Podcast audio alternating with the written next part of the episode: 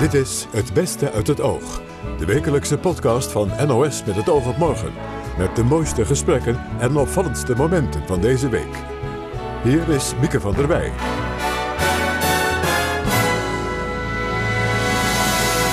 Welkom bij deze week podcast met daarin onder andere schrijver en programmamaker Abdelkader Benali. Ik sprak met hem over racisme in Nederland. Het ging onder meer over omstreden standbeelden. Wat Benali betreft mogen die blijven staan. Soms is een symbool staat voor iets, voor iets heel pijnlijks. En door het weg te halen, van zijn sokkel te trekken, haal je dat pijnlijke weg. En verder hadden wij Lucas Waagmeester op bezoek. Hij heeft zin in zijn nieuwe baan als Amerika-correspondent. Maar tegelijkertijd gaat hij ook veel missen aan Turkije, zijn oude standplaats. De muziek, het eten, mijn vrienden, ehm, eh, mijn wijkje in Istanbul eigenlijk Ja. misschien nog wel het meest. Ja. Ook gaat u meer horen over president Trump, die 10.000 militairen wil terugtrekken uit Duitsland. Als Trump blijft, dan heeft Europa een groot probleem en Duitsland in het bijzonder. Maar we beginnen bij het profvoetbal. In Engeland speelden afgelopen week vier clubs met de tekst Black Lives Matter op hun shirt. En ook Nederlandse voetbalclubs zijn bezig met racisme. Onder andere na het incident bij FC Den Bosch vorig jaar. Excelsior-speler Ahmed Mendes Morera werd toen vanaf de tribunes racistisch bejegend. Lucella Carrasso sprak erover met de voorzitters van de supportersverenigingen van PSV en ADO Den Haag, Harry Timmermans en Jacco van Leeuwen. Die laatste vertelde wat er allemaal wordt gedaan om racisme te voorkomen. Nou, we hebben wel natuurlijk eh, een incident eh, geweest eh, met Den. Eh, daarna is er vanuit de regering en de KNVB een werkgroep gestart, Voetbal voor Iedereen. Eh, dat loopt nu ook. Eh, daar ben ik ook onderdeel van namens het collectief, eh, het supporterscollectief, zeg maar de landelijke vertegenwoordiging. En daaruit komt een actieplan. Onder andere is men nu bezig met procesbegeleiders die zich gaan bezighouden met diversiteit en inclusie. Om bij de amateurclubs dit onder de aandacht te brengen en te zorgen dat het voetbal voor iedereen eh, toegankelijk is. En eh, dat gaat verder als alleen eh, Black Lives Matter. Dat, gaat, dat geldt ook voor de homogemeenschap, et cetera. Ja, en meneer Timmermans, wat, wat vindt u van die acties die in, in Engeland nu ook gedaan zijn? Is, is, is, dat, is, dat, is dat goed voor de bewustwording bij het publiek? Ik denk, ik zeker dat dat goed is voor de, voor de bewustwording. Ik denk dat eh, het altijd jammer is dat er incidenten nodig zijn om eh, eh, tot, dat, tot dat soort positieve uitingen te komen. Ik wil het ook, graag ook een beetje anders benaderen, ook net iets andere invalshoek. Ik heb eens eventjes nage- nagekeken wat zijn bij PSV op dit moment de meest toegezongen en de meest bejubelde spelers. En het grappige is dan, dan, dan, kom je, dan heb je het over onze aanvoerder Denzel Dumfries. Dan heb je het over eh, onze jonge talent Mohamed Iatare. Dan hebben we het over eh, de aanvoerder die op de bank zat, Ibrahim Afellay. Dan is Doniel Malen eh, is enorm toegezongen. Dan zijn er dus heel veel donkere spelers, spelers met een tintje. die, die tot de meest populaire spelers behoren. En dat is een beetje de paradox in het voetbal. Dat je, we komen als supporters regelmatig in het nieuws met eh, eh, incidenten waarbij er sprake is van ook, eh, wat de- goede gemeente zegt, dat is racistisch. Ik denk dat het vaak ook een beetje te maken heeft met proberen te provoceren, te choqueren. Ja, want u zegt deze spelers zijn bejubeld bij PSV, door PSV-supporters. Maar op het moment dat ze naar buiten gaan, zeg maar, bij andere clubs spelen, uitspelen... Het zijn vaak de supporters van de andere groep die, eh, nou ja, of oerwoudgeluiden maken of naar eh, spreekkoren aanheffen. Ja, dat is, dat is voor, dat, dat, weet je, als het gewoon geregistreerd wordt, klopt het. Hè? En, dat, en die incidenten die verdienen ook om aandacht te krijgen. Maar aan de andere kant, eh, we hebben ook te we hadden een, een, een blanke trainer, Mark van Bommel. Nou, als er één trainer is, Jacco, die, die kan het beamen, die bij, eh, eh, in voetbalstadions bij de tegenstander van PSV irritatie opriep, dan was het Mark van Bommel. Dan werd er ook gezongen, Mark van Bommel, breek je been op een bepaalde mel- melodie. Dus ik wil er maar mee aangeven, elke vorm van grensoverschrijdend gedrag is fout. Daar keuren wij ook af. Alleen wat, je, eh, wat, het, wat ik ook wel benadruk is, het is niet altijd de intentie om eh, te eh, discrimineren. Het is wel 100% vaak de intentie om te chockeren en om een tegenstander te jennen uit het, uit het spel te halen. En dat biedt dan tegen elkaar op. En dan is het ook nog een mannenwereldje. Iets te veel testosteron, iets te veel adrenaline. En dan gaat het wel eens over de schreef. Alleen ik wil het beeld voorkomen dat de voetballerij een broeinest is van, uh, van, van racisme. We zijn, we zijn een dwarsdoorsnede. Bij PSV zitten 36.000 mensen op de, op de tribune. Er zitten ook mensen bij met gekke gedachten. Dus, eh, maar het, de goede gemeente uh, heeft echt gewoon een broertje dood aan racisme. En wij juichen voor iedereen die PSV kampioen kan maken. En dat gaat vanaf volgend seizoen weer gebeuren. Ja, Jacob van Leeuwen, uh, spreken jullie met, met de leden over het onderwerp racisme bij, bij ADO, met de supporters? Nou, het is natuurlijk wel een, een onderwerp wat je op de fora voorbij ziet komen. Uh, we hebben er geen ledenavond voor georganiseerd. Uh, maar in de fora is dat natuurlijk wel geroepen. En uh, alle supportersgroepen hebben zich ook de afgelopen weken uitgesproken tegen racisme. Wij zijn ook tegen elke vorm van racisme. Dat spreekt voor zich. En, en uh, wat uh, Harry Timmermans net zei, van ja, soms gaat het over de schreef. Het is eigenlijk bedoeld als chockeren. Uh, dan wordt er af en toe iets racistisch wellicht bijgehaald. Ehm, zeg maar dat onderscheid van wat een beetje bedoeld is als, als Jenne of een speler uit zijn doen halen en het racisme. Behoeft dat meer debat? Nou, dat weet ik niet. Ik, ik denk dat het meer inderdaad de Jenny in het algemeen is. Hè. Dat is ook wat, wat Harry aangeeft. Uh, ik bedoel, heeft een speler rood haar, dan krijgt hij het daarop te horen. En uh, uh, als wij naar PSV gaan, dan, dan zingen we over boeren. En wat doen ze bij PSV? Die hebben dat boeren hebben zoals geuzennaam ge, geadopteerd. En dan roepen ze eigenlijk precies hetzelfde, alleen dan op de juichmanier. Ehm, het is, uh, we, moeten heel erg oppassen dat uh, het groter gemaakt wordt als dat het is. Uh, er is een incident geweest, een kwalijk incident met, bij Den Bosch. En, we, maar we moeten niet doen alsof het bij elke wedstrijd uit de hand loopt. En dat is namelijk helemaal niet. Het is nog steeds een, een incident en het is goed om het te benoemen. Maar uh, we hebben op hetzelfde moment hebben we het ook te doen met, uh, met bijvoorbeeld de homobeweging. Uh, er is nog een speler die uit de kast komt. dan zal dezelfde gaan optreden. En dan, dan noemen we het geen racisme, dan noemen we het weer belediging. We blijven nog even bij het onderwerp racisme. Afgelopen week sprak ik met schrijver en programmamaker Abdelkader Benali. Begin april publiceerde hij het boek De Vreemdeling. Daarin is hij best pessimistisch over de stand van zaken in Nederland.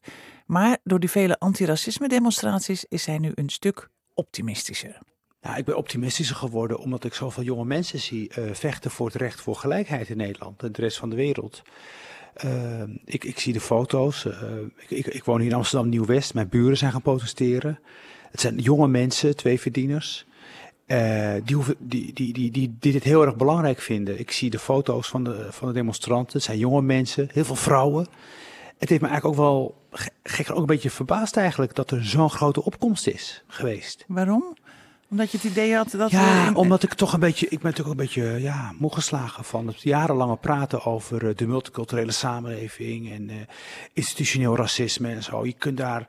Ik heb de hele fora meegevuld, praatgroepen, debatten. Op een gegeven moment uh, ben ik ophouden te geloven dat er vooruitgang was. Ik had, ik had echt gevoel van, ja, het kan worden bewezen door middel van onderzoeken. We kunnen laten zien dat er stelselmatige discriminatie is in de arbeidsmarkt. Dat het moeilijk is voor mensen met een niet-westerse achtergrond om een stageplek te krijgen. Je kan er blijven hameren, het preventief fouilleren, et cetera. Maar het lost toch niks op. En ineens de vlam in de pan geschoten. En daar staan al die jonge mensen wereldwijd um, vormen eigenlijk één grote aanklacht tegen het systematische onrecht. En uh, ik vind dat, uh, ik vind dat wel ook, ook, ja, ik vind het ook bemoedigend, omdat uh, we mogen natuurlijk altijd praten over, over discriminatie, racisme. En dit boekje wat ik heb geschreven staat ik ook vol met persoonlijke verhalen. Mm -hmm.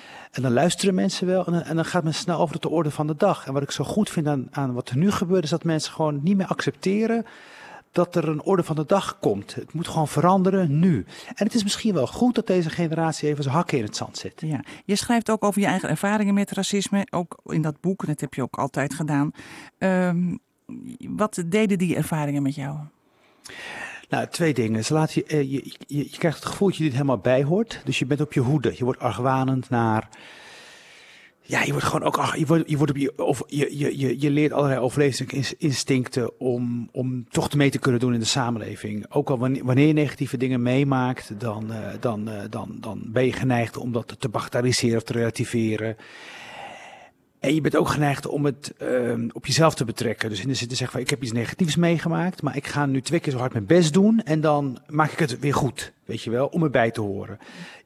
Dat is één ding wat racisme met je doet. Dus je, je, je, je voelt je eigenlijk schuldig bijna dat je een racistische reactie uitlokt. Het zal wel aan jou liggen. Heel veel mensen hebben dit. Daar schrijf ik ook over in mijn boek.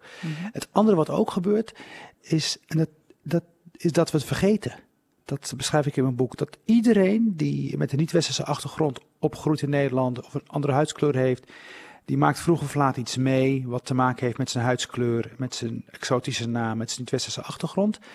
En wat je leert, je leert het vergeten, je leert het onderdrukken, je stopt het, ik zeg, het, het, het, het, soort je, je, je legt een soort van, eigenlijk een, een, een dossier aan van al mijn na, nare ervaringen. En het dossier, dat is gebaseerd op vergetelheid. Want het is eigenlijk de enige manier om te kunnen groeien in deze samenleving. Ja, de discussie is nu uh, losgebarsten rondom die standbeelden, hè?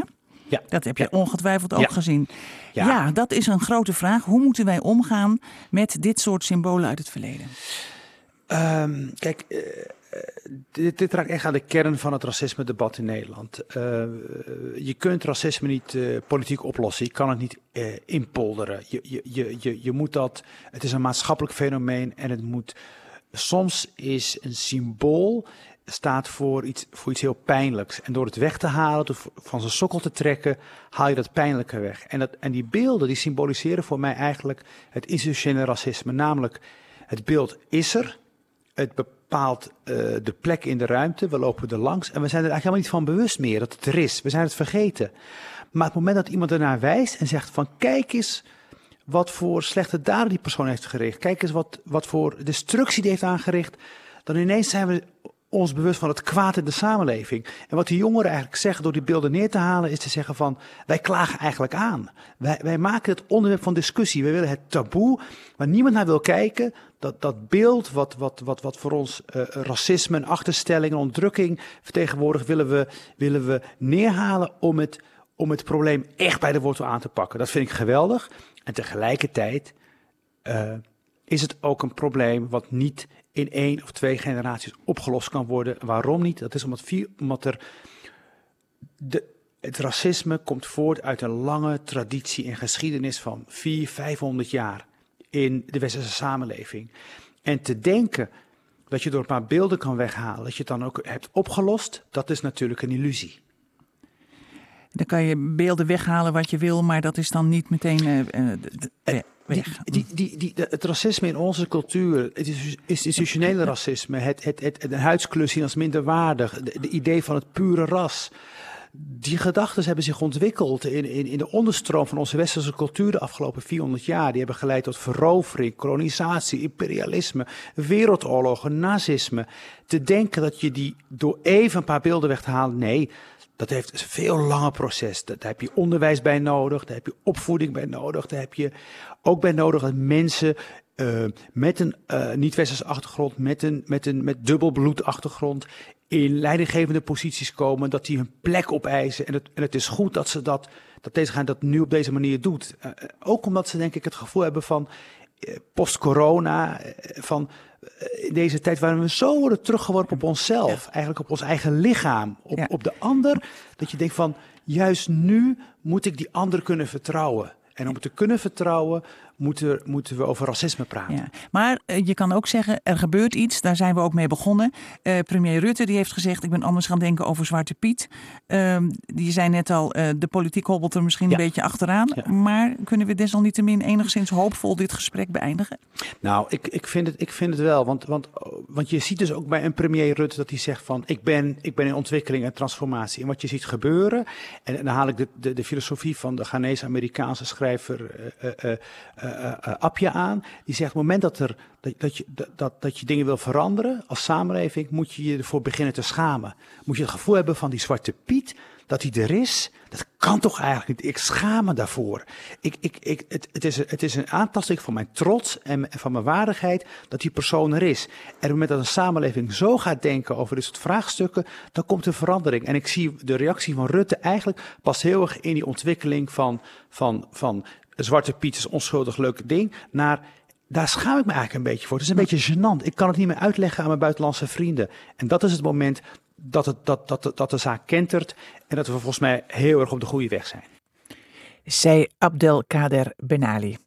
President Trump is boos op Duitsland. Het land besteedt volgens hem te weinig aan defensie. En dus wil hij het aantal Amerikaanse militairen daar met zo'n 10.000 terugbrengen tot 25.000. Rob Trip sprak erover met Hanko Jurgens van het Duitsland Instituut. De aanwezigheid van Amerikaanse militairen heeft de Duitsers veel gebracht, vertelde hij veiligheid natuurlijk. Uh, maar ik denk dat je ook moet zeggen, een, een zekere economie die er omheen uh, ontwikkeld was. We, hebben dus in de Koude Oorlog 22 miljoen Amerikanen zijn er geweest uh, in West-Duitsland. waarvan natuurlijk een deel familie, gezin was, een deel ondersteuning enzovoort. Maar dat is toch een enorm veel eigenlijk. En die hadden dus hun eigen dorpen met een eigen bioscoop en een eigen cafés. en radiostations? Eigen, ja, radiostations die ook goed door de eh, door, door, beluisterd werden in heel West-Europa vaak. Ja. Eh, ja, ik kan me dat eh, ook nog wel herinneren. Ja. Daar hoorde je toch de muziek die je niet altijd hier hoorde. Ja, zeker. Het was vrij hip en er waren ook allemaal berichten van familie en zo. Dus het was toch een hele aparte cultuur die daar omheen zat. En ik denk als je zegt wat heeft Duits opgeleverd, voor een deel ook dat heel veel Amerikanen in, eh, kennis maakte met de Duitse cultuur op een hele andere manier. Daar wordt wel eens gezegd van dat, dat, dat, dat is nu niet meer het geval natuurlijk. En uh, dus er is nu een hele generatie die eigenlijk niet meer zo goed weet wat er aan de andere kant van de Atlantische Oceaan gebeurt. En Trump uh, is daar een heel duidelijk voorbeeld van, want die heeft natuurlijk zijn dienstplicht, was, heeft hij allemaal goed geregeld dat hij daar niet, nee, is überhaupt niet voor in aanmerking nee. kwam. Ja. We kunnen heel even luisteren naar een fragment uit een interview met de beroemdste Amerikaanse soldaat die ooit in Duitsland Duitsland gelegerd was. Elvis. I've learned a lot. I made a lot of friends that I never would have made otherwise. Another uh, thing we hear a lot about in the Army, especially here, is that we are not only soldiers but goodwill and ambassadors. Yeah. How do you feel about that? We are in a foreign country, and what we do here uh, reflect on America and our way of life. Ja, eigenlijk wat jij zei, hè? van ik heb veel geleerd en wat we hier in Duitsland doen. Omgekeerd zegt hij eigenlijk ook dan, hè? weerspiegelt wat Amerika en onze manier van leven is. Ja, ik vind het een geweldig verhaal, want hij was toen al wereldberoemd, maar moest nog in dienst. Hij was 23 en heeft, eh, hij kreeg 100 dollar per maand als dienstplichtige. Maar hij heeft al heel snel uh, gekozen voor een hotel en voor een eigen uh, huis met een auto met chauffeur enzovoort. En dus hij had een hele eigen bubbel, wordt wel gezegd, als dienstplichtige. Hij heeft er wel 17 maanden gezeten. En heeft zich dus laten rijden naar de, militair, de, de, legerplaatsen waar hij moest dienen als hele gewone soldaat. Maar hij was al wereldberoemd. dus dat is eigenlijk heel curieus. Hij had ook al heel veel fans uh, uh, die dus wisten dat hij daar uh, zat. Maar, maar, het geeft wel weer hoe het toen ook ging natuurlijk ja. ook. Hè? En wat, wat die Amerikanen ook voor culturele invloed hebben gehad, denk ik. Op Enorm, ja, ja, ja. En Duitsland natuurlijk ook. De, toch ook een beetje de aantrekkingskracht van de Amerikaanse cultuur. Ja. Amerikaanse mode, die heel sterk was. Maar niet te vergeten ook natuurlijk een zekere vleug van anti-Amerikanisme. En ook wel zorg over militairen op Duits grond, grondgebied, omdat de, zeg maar, de pacifistische cultuur na de Tweede Wereldoorlog in Duitsland ook heel sterk was. Uh, en natuurlijk vooral in de, ja, eigenlijk in de jaren zeventig de aanslagen van de Rota Armee op, op Amerikaanse soldaten en legerbasis. En in de jaren tachtig natuurlijk uh, de demonstraties tegen kernwapens en tegen Reagan. En uh, dat zie je eigenlijk, daar zie je toch een zekere lijn in. dus tijdens de Irak-oorlog heeft toenmalig bondskanselier Schreuder heel nadrukkelijk gezegd dat ze, dat ze dat niet gingen doen. En tijdens de verkiezingen heeft hij ook een zekere ja, zijn kritiek op eh, de VS eh, luid laten klinken. En dat viel goed bij de Duitse bevolking. En op dit moment zie je ook dat, zeg maar, je zou bijna kunnen zeggen, het anti-Trumpisme in Duitsland erg groot is. Ja, maar dat is in meer landen natuurlijk. Of, zeg je, of zeg je, het is in Duitsland scherper, juist met dit in Dus in, in de, de, de Duitsland zijn bijna iedere dag een talkshow. En die gaan allemaal uh, over één vast onderwerp. Nou, en dan als het, als het over Amerika gaat. Niet, niet over corona, maar over Trump. Ja, nee, het gaat dus ook. Het ging heel lang alleen maar over corona. Maar als het over Amerika gaat, dan gaat het altijd over de amateur die geen verstand heeft van zaken. En die eigenlijk de bevolking uh, bedriegt, omzeilt. Of uh, het, het in ieder geval niet doet zoals het moet. En omgekeerd, vanaf wanneer is Duitsland eigenlijk minder belangrijk geworden voor Amerika? Ja, dat wisselt heel sterk. Dus dat is heel curieus. En eh, op, op de lange termijn kun je zeggen dat eh, alleen al bijvoorbeeld die, die, de, het aantal militairen in Duitsland, ook dat wisselt heel sterk. Uh, maar rond 2006 waren het toch nog 70.000. Dus, en dat is dus zeg maar ook in de loop van de jaren steeds minder geworden. Wat deden al die Amerikanen eigenlijk daar? Want, ja, nou, dat is best wel interessant eigenlijk. want het, het, zeg maar, het het Amerikaanse hoofdkwartier van Europa staat in Stuttgart. Maar vanuit Ramstein worden ook heel veel drones bestuurd uh, in Afrika, en in, uh, maar ook uh, in Afghanistan bijvoorbeeld.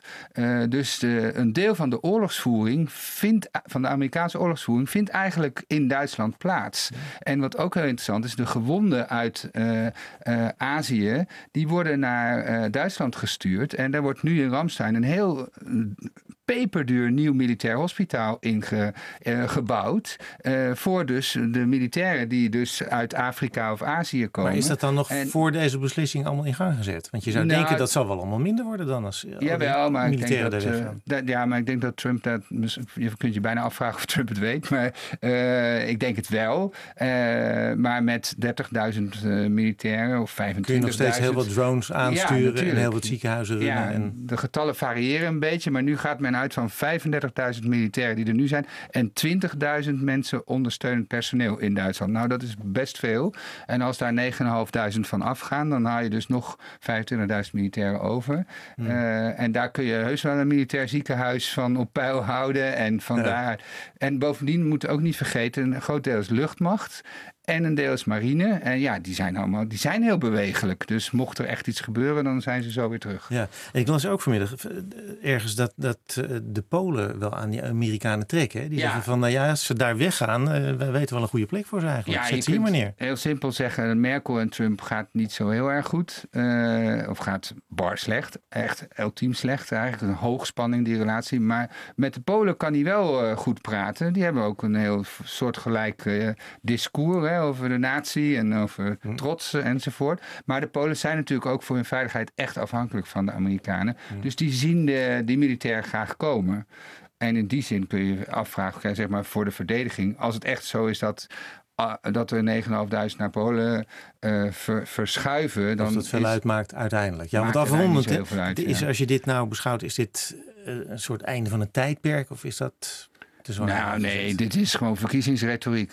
Als ik eerlijk ben. Dus, dus, dus, eigenlijk moet je maar zien of na november of hier of het ook van terecht gerealiseerd wordt. Hmm. Uh, maar als Trump blijft, dan, dan heeft Europa een groot probleem en Duitsland in het bijzonder. We blijven het volgen. Lucas Waagmeester, u kent hem vast wel. Hij heeft zes jaar lang verslag gedaan vanuit Turkije. Maar zijn correspondentschap uh, is daar nu uh, afgelopen. En hij gaat een nieuw avontuur tegemoet als NOS-correspondent in Amerika. Zijn tijd in Turkije eindigde door corona abrupter dan hij had gepland uiteindelijk zijn we echt nog op eerdere vluchten proberen te komen, omdat die vluchten allemaal gecanceld werden voor onze neus. En het was echt een soort vlucht de stad uit. Dus uh, dat, was, dat was niet zo heel. Uh, het was niet zoals ik het me had, uh, had, had, zeg maar, voor me.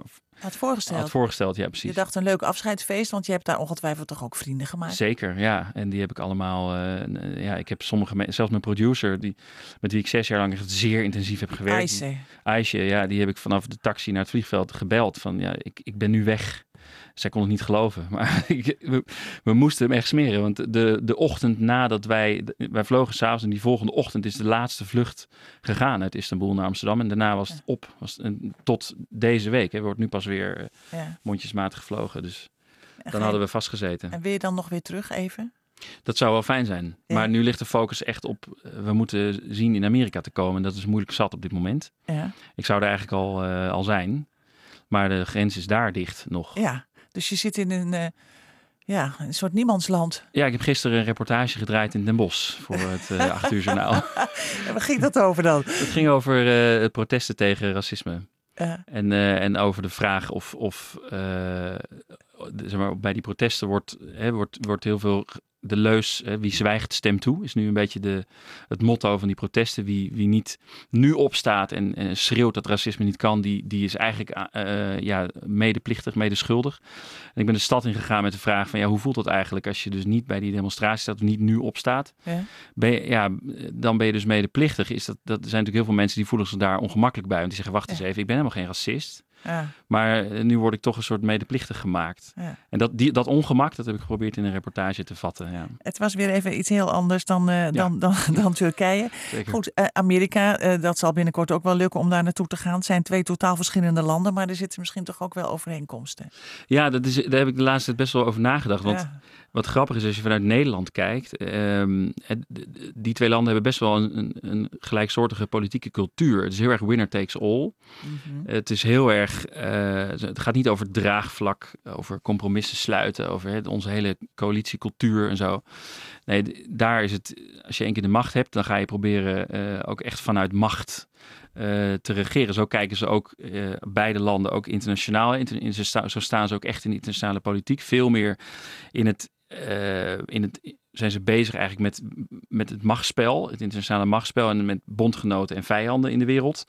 Um, terwijl wij als Nederlanders natuurlijk juist, ja, wij zijn altijd een beetje aan het zoeken van waar kunnen we ergens een beetje zo uh, net genoeg vrienden zijn om handel te kunnen drijven en onze economische belangen een beetje veilig te stellen. En Amerika en Turkije zijn natuurlijk allebei landen die best geharnast in die internationale politiek ook staan. Ja. En het zijn allebei hele ja, conservatieve landen, religieus conservatief, dat, dat is echt de, dat is de bovenliggende partij. Is maar zeggen ook in, het, in, in, um, in hoe de politiek zich uh, hoe de politiek ademt, zou ik maar zeggen. Dus mm. daar, daar zit best wel, er zitten best wel gelijkenissen, gek genoeg. Ja. ja. Heb je het idee dat je in Turkije dingen geleerd hebt die je mee kunt nemen?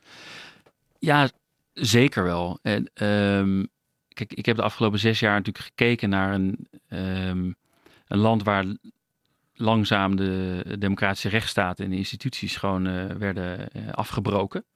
Echt werden kapot gemaakt. En um, wat gebeurt er met een land als er een leider aan de macht komt, die, die echt intrinsiek niet gelooft in de democratische rechtsstaat hè, en die niet, niet gelooft in de, mhm. de kracht van instituties. Um, een leider die dus, die dus niet alleen vanuit zijn rol als president, Trump en Erdogan hebben we het dan nu over, uh mhm. -huh. die dus niet vanuit zijn rol als president zegt ik verzet me tegen die instituties en, en ik probeer dat vanuit de positie die ik binnen dat bestel heb, probeer ik daar misschien iets aan te veranderen, maar die echt uh, een leider die echt gaat proberen die instituties kapot te maken en, en in discrediet te brengen. Dat is echt een andere manier van, van uh, politiek bedrijven dan we in Amerika natuurlijk heel lang hebben gezien. En in, in Turkije was dat ook eigenlijk weer nieuw. Erdogan is, is echt gaan keren tegen zijn eigen instituties en tegen de democratische rechtsstaat. En dat, dat proces is in Turkije natuurlijk veel verder inmiddels al, uh, ja, zullen we zeggen, de helling afgegleden. Um, in Amerika ja, hopen we toch allemaal dat het, dat het zover niet zal komen dat straks alle media, zoals in Turkije nu, uh, braaf uh, doen wat de president wil, omdat ze anders in de problemen komen. Um, in, in, in de Verenigde Staten is er nog een onafhankelijke rechtspraak, mogen we toch wel zeggen. Dat is in Turkije ook echt kapot. Maar die, die tendens, um, ja, die, die, die is hetzelfde. Je ziet het heel goed bijvoorbeeld aan de, aan de aanval op de media. Turkije heeft, Erdogan heeft de media echt gesloopt. En, maar wat, wat Trump doet, hè, het in discrediet brengen van de media en maar roepen uh, journalisten mhm. zijn de vijanden van het volk. Ja. Uiteindelijk is dat natuurlijk een uiting van ja, geen rekenschap willen ja. geven voor wat je eigenlijk doet. Niet als een leider op een gegeven moment niet meer bereid is om gewoon uh, zich zonder voorwaarden vooraf rekenschap te geven van wat hij aan het doen is maar daar voorwaarden aan stelt en eigenlijk liever zijn eigen kanalen kiest mm -hmm. om uh, zijn verhaal te vertellen, dan moet je met z'n allen wel echt gaan opletten. Dat ja. hebben we in Turkije gezien. Ja. En ik denk dat dat in, in, Amerika op dit moment ook een heel, interessant, uh, heel interessante ontwikkeling is. Wat ga je missen? Uit Turkije? Ja. Ach, de muziek, het eten, mijn vrienden. Uh, mijn wijkje in Istanbul eigenlijk ja. misschien nog wel het meest. Ja. Want dat, dat is natuurlijk iets wat in Amerika bijna niet bestaat. Hè? Dat hele compacte, dat, die oude, zo'n heel oud stadswijkje. Ja. Letterlijk, dat stadswijkje is, is echt uh, honderden jaren oud. En dat, is, je, dat voel je daar. Ja. Um, En dat is heel, uh, dat is heel, heel close. En, en uh, dat, ja, dat zijn gewoon mensengezichten bijna in zo'n wijkje die, uh, die ik zeker ga missen. Ja, de die taal wordt makkelijker. Dat is wel fijn. ja, wat een opluchting. Het was bij de hondsmoeilijke taal, dat Turks. Ja, ja, ja. Ze, ze werken met suffixen, hè, met alles ja. achter het woord plakken. Dat geeft betekenis. Ja. En dat is iets wat wij in ons grammaticale stelsel helemaal niet kennen. Dus dat is, dat is een ramp, ja. Nou, daar is hij in ieder geval vanaf van die moeilijke taal. We wensen hem heel veel succes in Amerika. We gaan hem zeker weer zien, Lucas Waagmeester. We eindigen de podcast met de Amsterdamse zangeres en pianiste Karsu. Afgelopen week trad zij op in een leeg concertgebouw voor een online serie. Maar eerst was ze nog te gast in het oog. Dinsdag. Marcia Luiten vroeg haar of corona haar muziek een ander karakter heeft gegeven. Ik denk... Um dat het veel intenser is geworden. Uh, ik denk mijn eigen liedjes ook, dat ik nu met veel meer uh, inhoud naar de mensen kan brengen. Het klinkt misschien een beetje gek, want de tekst is natuurlijk helemaal niet veranderd. Maar uh, ik denk dat iedereen een beetje weder tot zichzelf is gekeerd in deze periode. Dat het daarom wat krachtiger is geworden. Ja, dat denk ik wel. We gaan luisteren. Wat ga je voor ons spelen? Lily. Should I jump from a bridge for the final goodbye. Lily, please give me a chance before I lied. He was mine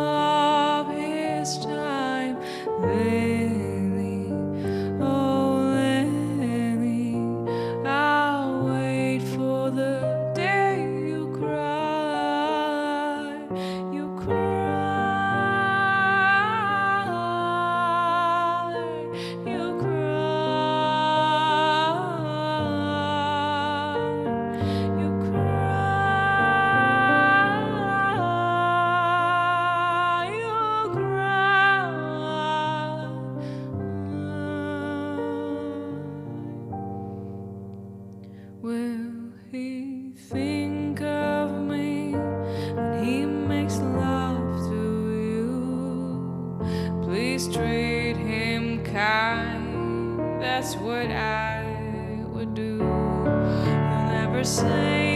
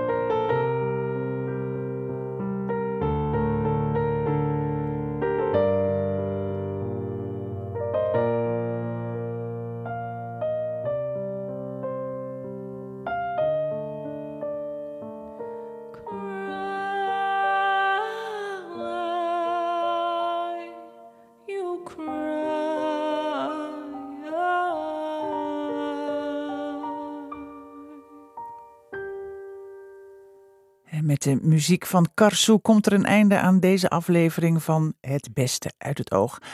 Volgende week staat er natuurlijk weer een nieuwe podcast klaar in uw favoriete podcast-app. Nou, klinkt dat wervend of niet? Graag tot dan. Dag.